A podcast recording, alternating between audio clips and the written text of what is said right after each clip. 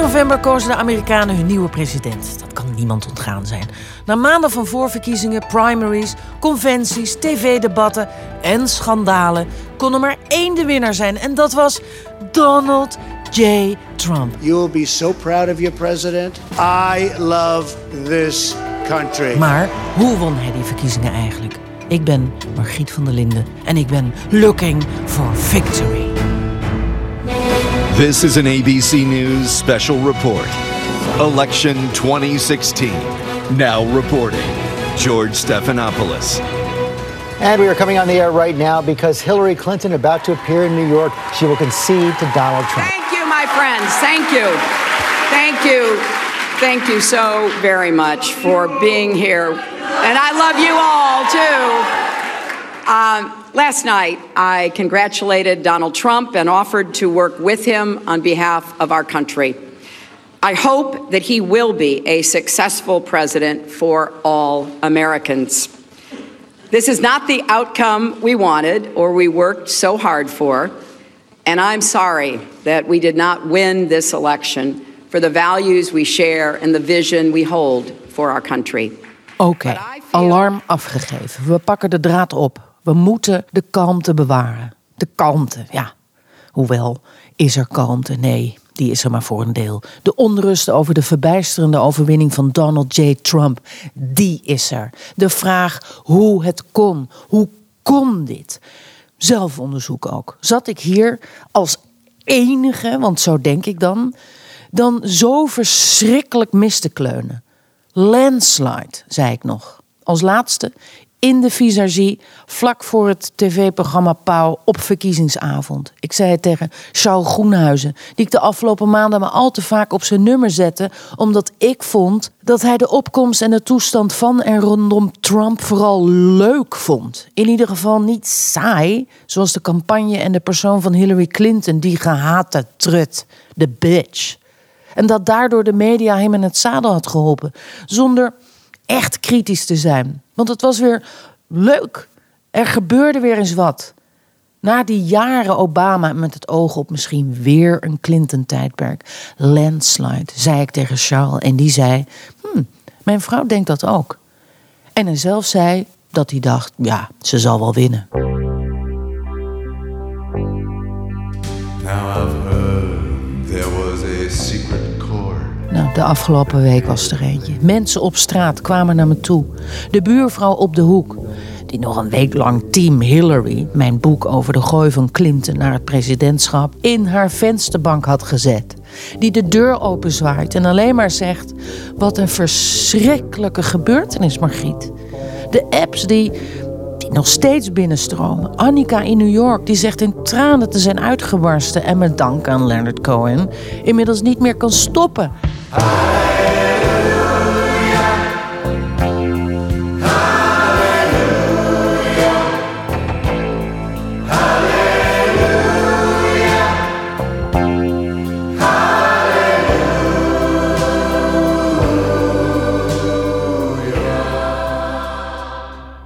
klinkt idioot, maar het is zo. En zij stemde Bernie, hè?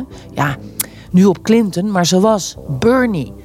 Ze vond het in eerste instantie ook wel welletjes met het establishment. En nu huilen, zoals duizenden mensen in New York. Kristen Welker is there for us. Kristen, what have you been able to gather there? Brian, the mood is somber here inside the Javits Center. A number of supporters have left in tears. I've been walking around. People have stunned expressions on their faces. Honderdduizenden, miljoenen in de rest van Amerika, de wereld. Dan de vrienden en kennissen met familie in Amerika. Sommige vrienden en kennissen mochten zelf ook stemmen. Eentje postte haar ballot, haar stembiljet op Facebook. Trots om dit te kunnen doen. Met zwarte balpen was het ovaaltje bij Clinton Kane ingevuld. Maar ze zei tegen me: ik heb nog familie, ooms, tantes, neven en nichten in Amerika. Met sommigen heb ik contact via social media. Maar ik durf ze niet te vragen op wie ze stemmen. Ik vrees het ergste eigenlijk.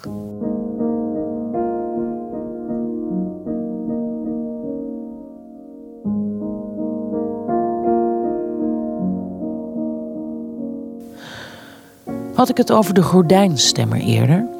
Eerder, aan het begin van deze reeks, bij de aftrap, toen ik het had over de feiten, de peilingen, de polls, de data versus de sentimenten en die mogelijkheid van de gordijnstemmer, die stemmer van wie je niet hoort of weet wat hij stemt, maar eenmaal in het hokje voor de verrassing gaat zorgen. Een paar dagen na de verkiezingsuitslag fluisterde een vriendin over haar orthodox-Joodse familie in Brooklyn. Ze hebben allemaal op Trump gestemd. En ik riep: Je zit zelfs te fluisteren. En het zit hem ook in dat fluisteren. Het niet eens durven zeggen. Hardop. Waarom? Waarom? En plotseling herinnerde ik een gesprek van maanden geleden met een andere vriendin. Die vertelde over haar zusje, die in de financiële wereld werkt. Veel reist, veel Amerikanen ontmoet in het buitenland. Allemaal pro-Trump. Nou ja, reageerden we, is dat serieus te nemen? Of gebral van, van die finance boys die niks anders willen dan net zoveel cash als Trump. En zo was er altijd wel wat. Net zoals er leedvermaak was. Al die commentatoren. Je lacht helemaal gek. Haha. Al die commentatoren. De zogeheten zelfverklaarde, zelfbenoemde duiders. De Hillary-knuffelaars. Wat zaten ze ernaast? Het is lekker Trump geworden. De Amerikaanse burger is het zat. Net als de Britten met Brexit en de Nederlanders met het uh, Oekraïne-referendum. Op de een of andere manier is dat dan allemaal hetzelfde. Allemaal uitdrukkingen van de burger die het zat is. Het. Terwijl alles, in my book, de wereld, de politiek, vele malen gecompliceerder is, toch? Hoe kan het dat Donald Trump op de merites van kreten van racistische, seksistische, xenofobische inslag en, nou, wees hier eerlijk in, nauwelijks inhoud tot de 45ste president van Amerika is gekozen? Of klinkt deze zin sowieso al uiterst naïef? En is hij dat ook? Dat heeft de geschiedenis wel bewezen, of niet? Don't blame Caesar. Blame the people of Rome. For people who are just waking up this morning, Yeah. who may have gone to sleep last night before all of this broke, we're all sitting here sort of in, in shock. What happened? How did we get here? Donald Trump did last night and on election day something he's done throughout this political process. He confounded and stunned everyone. Life's a game, but it's not fair. I break the rules, so I don't care. So I keep doing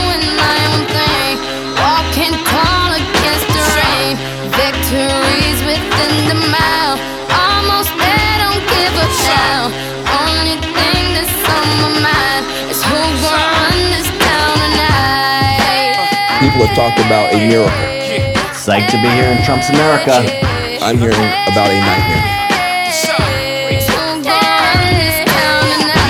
Pollsters missed it, correspondents missed it. We all missed the biggest political story of our lifetime. And I think we all thought it couldn't happen. There are people, Americans, who are scared, and some of them are demonstrating. This hour, we are seeing anti-Trump protests breaking out in a handful of major cities, including New York, Chicago, Philadelphia, and in Oakland, California. They're afraid. I would tell them, don't be afraid. They're afraid of how do I explain this to my children? I have Muslim friends who are texting me tonight saying, should I leave the country? I have uh, uh, families of immigrants that are terrified tonight. Are you really going to build a wall? Yes. This wasn't a pretty election. In fact, it was ugly. This loss hurts, but please never stop believing that fighting for what's right is worth it. And I say it, and I say it very proudly. It's going to be America first. It's hard to be a parent tonight for a lot of us. Uh, you tell your kids, don't be a bully. You tell your kids, don't be a bigot. The American people have spoken, and the American people have elected their new champion.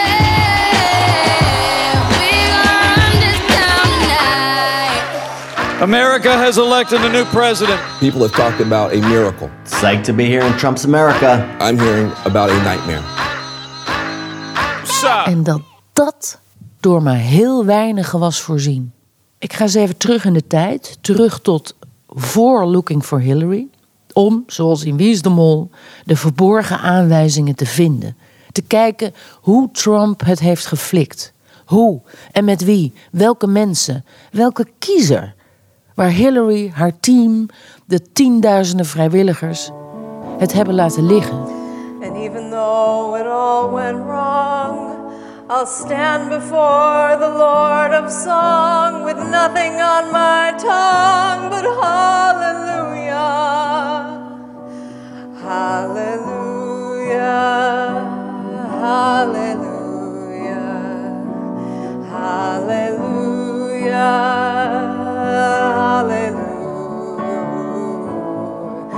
Hallelujah. Hallelujah. Hallelujah. Hallelujah.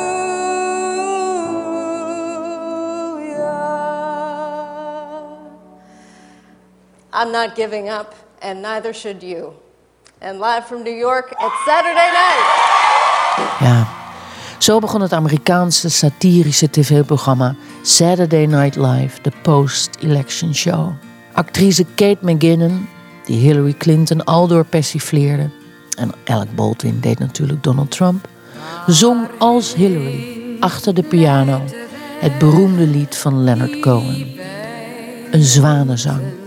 Je zou kunnen zeggen het waarheen waarvoor van Mieke Telkamp om maar een andere topper uit de begrafenis top 10 te nemen. Er moest blijkbaar worden gerouwd. De tranen van de honderdduizenden Amerikanen die deze in het openbaar, in de straten van New York, van Los Angeles, de vrije loop lieten, kregen begeleiding van een lied in de populairste show van de zaterdagavond.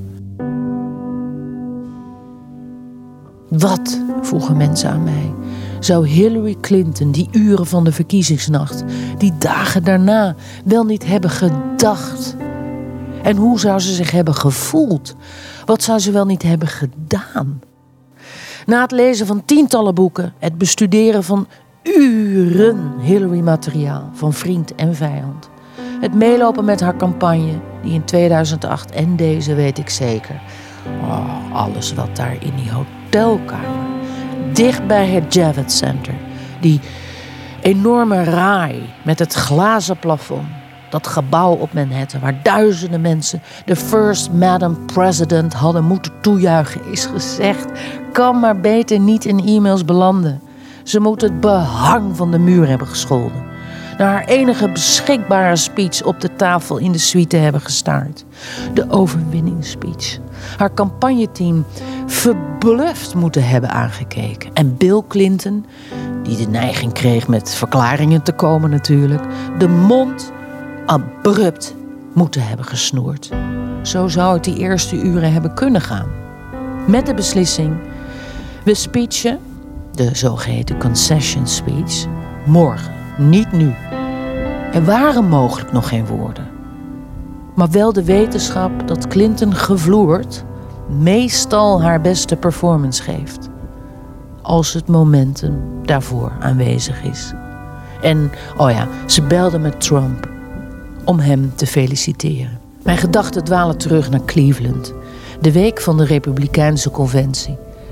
Daar gebeurde al wat eerder iedereen toen ook al niet voor mogelijk had gehouden. Friends, delegates, and fellow Americans, I humbly and gratefully accept your nomination for the presidency of the United States.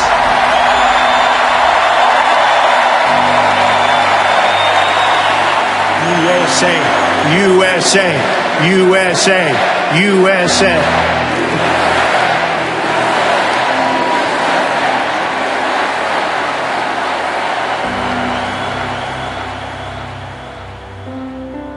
Donald Trump werd officieel benoemd als dé presidentskandidaat van de Republikeinen. Hillary Rotten Clinton, throw the bitch in jail, Hillary. De haat van de aanwezigen op de conventie tegen Hillary Clinton. De taal die werd gebruikt om de haat kracht bij te zetten. Werd openlijk en zonder weerspreking geventileerd. Een bekend gegeven in de wereld van Hillary. Ze is het gewend, alleen was het nu zo, zo ontzettend zichtbaar. How we insist that the hateful language they hear from public figures on TV does not represent the true spirit of this country. We explain that when someone is cruel or acts like a bully, you don't stoop to their level. No, our motto is when they go low, we go high. Where they go low, we go high. Dat zei Michelle Obama een week later in Philadelphia.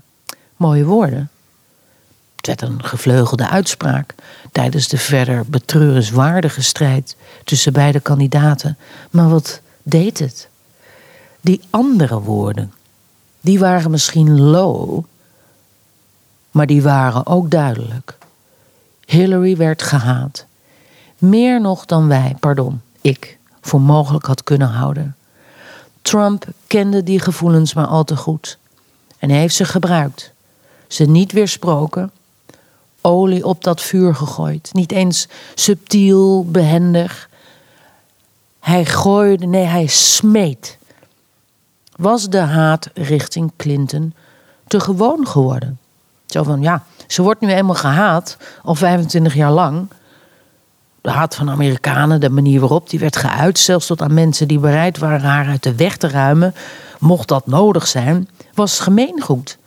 En daardoor werd die te makkelijk als gegeven gezien. Misschien. En by the way, alsof er niets op haar is aan te merken. E-mails bijvoorbeeld. Maar toch de haat. Van wie? De vast right-wing conspiracy, de rechtsconservatieve lui, die het de Clintons al zo lang zo lastig maken, die, ja, die zaten en zitten ertussen. Denk aan Tony, de 70-jarige, goed uitziende charmeur. Strakke spijkerbroek, goede boots, cowboyhoed, gloednieuwe pick-up truck die ik in Las Vegas sprak. This country has decayed morally so much. And I'll tell you where a lot of it comes from, too. A lot of it comes from Europe.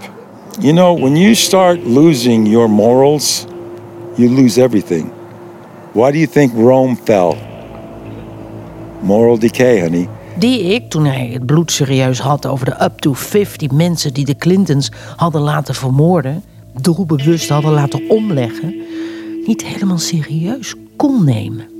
Zijn haat, waar hij voor uitkwam, betrof Hillary Clinton en al het progressieve, het liberal in haar kielzog dat zijn waarden had ondermijnd. God, the land, het land, familie, geld, wapens. Amerika had God, de christelijke God, het land uitgezet, of in ieder geval zo uit het openbare leven gepoetst. Zelfs het in God We Trust zou van de dollar moeten verdwijnen als het aan those liberals ligt, dat hij verdwenen lijkt en ingewisseld wordt voor Allah. Ja, en geld. Money. All the bucks gingen naar Washington, naar duurbetaalde overheidsprojecten, naar mensen die zelf geen barst uitvoerden, zoals iedereen in het land altijd wel had gedaan. Dat geld, die banen, het moest terug en Trump ging dat doen. Do you think he will be president? Yes, landslide.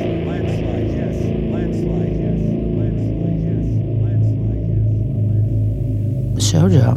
Wat wist Tony wat ik niet wist of niet serieus nam? De opsomming van God, land, familie, geld, het wapen, die begreep ik. Daar kon ik een eind in mee, als ik zijn gedachten volgde. Maar zijn ordening van de dingen vertroebelde mijn blik. Zodra hij met allerlei ja, waanzinnige theorieën kwam aanzetten, in mijn beleving dan, of recht recht aan homofoob bleek, ah, dat, die, dat soort gevoelens zijn er. Maar wat als het op zo'n krachtige manier wordt geuit, dat het bijna potsierlijk aandoet, alsof het gesputter is van een uitstervende soort. Want wie heeft nu nog dergelijke opvattingen? Ja, misschien dacht ik dat stiekem wel. Terwijl ik ook van de soort ben dat je bevoegde vrijheden nooit voor lief moet nemen. Dus ergens de waakstand. Of dacht ik stiekem, net als Hillary, verder geen aandacht aan besteden, het zijn deplorables. Sneuwe types met abjecte opvattingen. En ik vind dat ja. Racisten, vrouwenhaters, homohaters, homofoben. Zoals Mike Pence, de nieuwe vicepresident. Ik vind het. Ik vind het niet eens deplorable, ik vind het abject en infaam. Zo. Maar Hillary had het niet moeten zeggen. Nee, het was elitair en koren op de molen van Trump en de Tonys. Maar ik had uiteindelijk ook niks aan de term. Het sentiment, weet je nog, versus de feiten, de data en de cijfers, bleek veel en veel groter. Ik moet vaak aan Tony denken. Was hij de boze blanke man waar politiek consultant Henk Scheinkopf me afgelopen zomer in New York al voor waarschuwde? Althans, voor de onvrede van de boze blanke man. So here you have a woman who is not trusted, who has to win a certain percentage of white men who live in the Midwest, who has to come up with an economic plan that's believable, and have an emotional argument that responds to both the trust issue, the national security issue, and the sense of patriotism. Because if you're not trusted and your judgment is bad, then you're not patriotic. De boze blanke man. De Trump-stemmer bleek lid van een bredere groep. Het is ook een vrouw. Is zelfs gekleurder dan gedacht. Hispanics. Afro-Amerikanen. Afro-Amerikanen? Maar Obama had toch nog zo zijn best gedaan? Ja, maar acht jaar Obama is zelfs door de achterban die in 2008 massaal en destijds tot tranen toe geroerd op hem stemde, in belangrijke staten afgestraft. Het leven is er ook voor hen in die acht jaar niet beter op geworden. De mogelijkheid van vier jaar Clinton, lees, dubbele punt, meer van hetzelfde, dreef hen naar Trump. Maar zou je denken, al die, al die uitspraken van Trump dan over immigranten, de, de racistische uitspraken, de banden met de KKK. Nee, niet dus. Oh, maar het geweld van politie tegen Afro-Amerikanen, dat is een groot thema. De hashtag Black Lives Matter beweging is er. Dit racisme, heeft u even, is een etterende zweer in Amerika.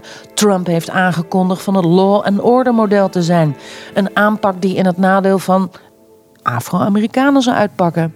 Het maakte niet uit. De Clinton-campagne, ik heb het zelf ook meerdere keren benoemd, hanteerde een hogere schoolcampagnestrategie. Tot in de vezels drong door in de suburbs, de streets, de blocks, tot en met de doorbel van alle kiezers die ze moesten hebben. Over die kiezers was verfijnde data beschikbaar. Met die data werden analyses gemaakt. De analyse, die wel moest kloppen, in de campagne goed toegepast, zou Hillary aan de overwinning helpen. Er klopte iets toch niet. In de swing states gaf een diverser dan gedachte groep kiezers Donald Trump de minimale marge die noodzakelijk was om de hele handel kiesmannen te mogen pakken. Het systeem van data en analyse bleek ernaast te zitten. Nee, de Clinton-campagne was zo goed dat het niet eens meer tijd besteedde aan de echte zwevende kiezer. Alleen aan die kiezer die, op basis van de data die de campagne hanteerde, zeer waarschijnlijk toch wel op haar zou stemmen, alleen nog een laatste zetje nodig had. Dat konden bij wijze van spreken maar twee mensen in een hele straat zijn.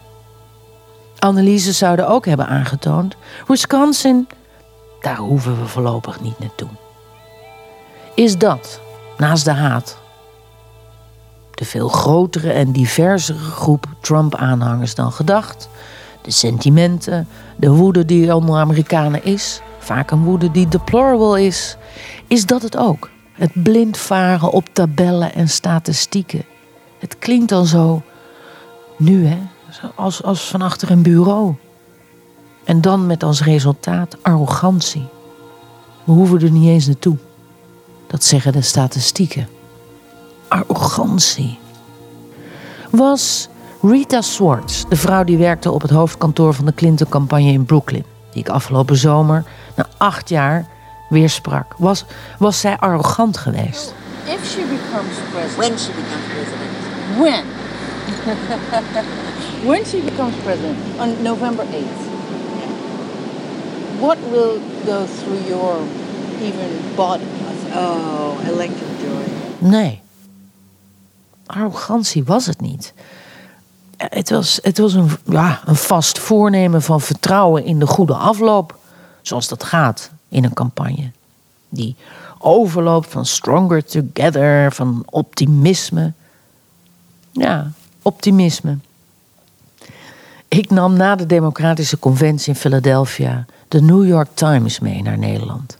Met daarin een artikel met de kop Why Hillary Should Fear Optimism. Weet je nog? Zo begon ik deze serie. En het stuk bleef maar in mijn hoofd zeuren. In een angstige tijd zullen democratische bromides, dat zijn kalmeringsmiddelen, die Amerikanen die diep teleurgesteld zijn in de politiek en politici, niet voor zich winnen. Eigenlijk, concludeerde ik, kan je nog zo ver voorstaan in de peilingen. Ja, jij, Hillary, de meest gekwalificeerde kandidaat van de afgelopen twintig jaar. Want daar is vriend en vijand het over eens. Je kan de grondtroepen van de campagne in alle staten en steden van Amerika netjes laten binnenmarcheren. De een naar de andere focusgroep aanspreken in peperdure campagnespots. En toch het betekent allemaal niets. Het haalt allemaal niets uit als je dat sentiment, dat ook onder je volk leeft, niet weet te adresseren. Zoals Donald J. Trump dat kennelijk wel weet te doen. Zo begon ik. Jongen, jongen, jongen. Beter zou ik het zelf niet kunnen zeggen. Al zeg ik het zelf.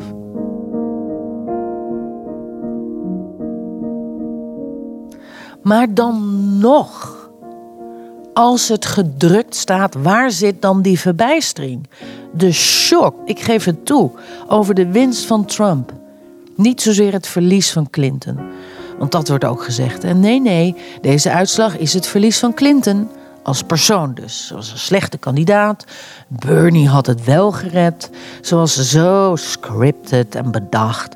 Ze lachte te veel en ook zo vervelend. Echt, Jan Mulder kwam op verkiezingsdag.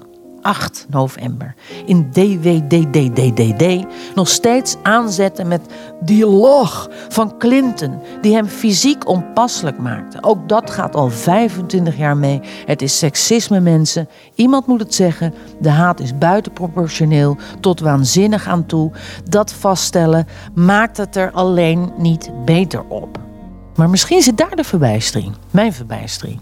Dat, hoewel is gewaarschuwd voor deze en andere sentimenten, nou ja, van een veel grotere en diversere groep mensen, dat deze gevoelens en die van vreemdelingenhaat, racisme, ondergeschikt zijn gebleken bij de verkiezing van Trump.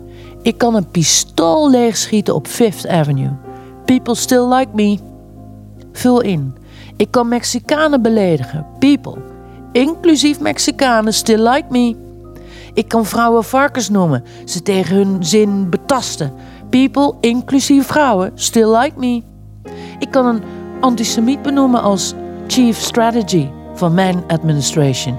People, inclusief orthodoxe joden, still like me. En dat is mijn verbijstering.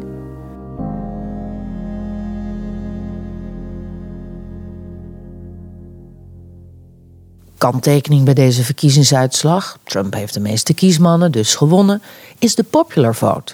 Met meer dan 2 miljoen stemmen heeft Hillary Clinton op basis van de popular vote de verkiezing gewonnen. Ik hoop er niks voor, want het systeem rekent de kiesmannen en niet de algehele stemming.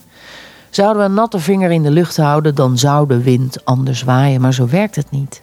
Trump haalde cruciale marges in staten en districten waar Clinton het veel beter had moeten doen, of waarvan ze wel dachten dat het daar goed zou gaan.